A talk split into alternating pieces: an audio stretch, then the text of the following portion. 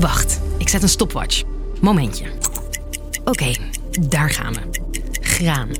Een van de belangrijkste voedselbronnen van de mens, waarvan de productie en de distributie helemaal vastloopt. This situation is going to tip many countries over the edge. Een ramp voor landen die al klap na klap te verduren hebben gekregen.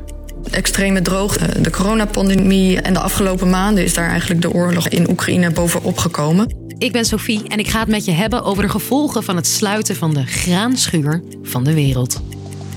Lang verhaal kort. Een podcast van NOS op 3 en 3FM. Oké, eerst die stopwatch even uit. Dat waren 48 seconden. En elke 48 seconden komt er naar schatting in de Hoorn van Afrika iemand om van de honger. Daar liggen de Oost-Afrikaanse landen zoals Ethiopië, Kenia, Somalië en Sudan. En het speelt niet alleen daar. Wereldwijd leden in 2020 volgens de Verenigde Naties tot wel 800 miljoen mensen honger. Voor een groot deel veroorzaakt door de toen al oplopende prijzen. Door klimaatverandering. Dat zorgt voor extreem weer, sprinkhanenplagen. En corona, dat heeft ook voor een voedselcrisis gezorgd, omdat de wereld stil kwam te staan. En de belangrijkste reden dat er honger is op sommige plekken? Oorlogen die graanimport bijna onmogelijk maken. Denk aan Jemen en Ethiopië. De honger was dus al groot en dan komt er ook nog een oorlog in Europa bij. Dus we zagen al dat de prijzen van voedsel enorm aan het stijgen waren. Uh, en de afgelopen maanden is daar eigenlijk de oorlog uh, in Oekraïne bovenop gekomen. Volgens hulporganisatie Oxfam Novib heeft het rampzalige gevolgen voor de regio's waar al honger was. De stijgende prijzen voor graan. Uh, mensen hebben geen reserves, geen spaargeld. Dus zijn gewoon niet meer in staat om, om voedsel te kopen.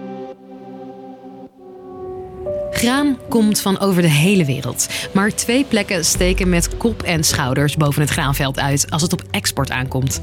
Rusland en Oekraïne. Ja, het wordt niet voor niks de graanschuur van Europa genoemd. Bijna 50 landen zijn afhankelijk van Oekraïns of Russische tarwe. Een derde van de tarwe wereldwijd komt daar vandaan. Allereerst Oekraïne. Dat is het perfecte land voor het verbouwen van graan, zegt deze Amerikaanse hoogleraar. It's in a perfect place uh, on a flat plain near a deep port with access to fresh water. En omdat, zegt deze hoogleraar, Oekraïne in staat is om enorm efficiënt op enorme schaal heel veel tarwe te produceren, wat eigenlijk heel goedkoop is op de wereldmarkt. Maar door de oorlog ligt het land in puin. Belangrijke havensteden zoals Mariupol en Odessa liggen stil. En die havens aan de Zwarte Zee worden geblokkeerd door Rusland. Schepen vol graan kunnen geen kant op en vervoer over spoor kost weken en kan alleen in kleine hoeveelheden.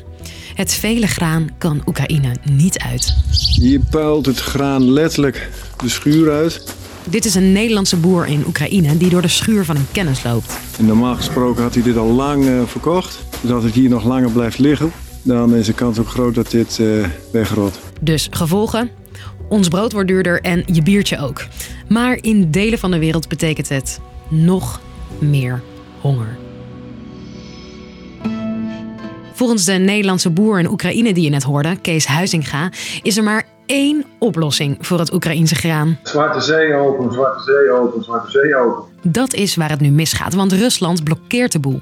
Moskou geeft daarentegen het Westen de schuld van de blokkade. Volgens het Kremlin is de blokkade het gevolg van internationale sancties tegen Rusland.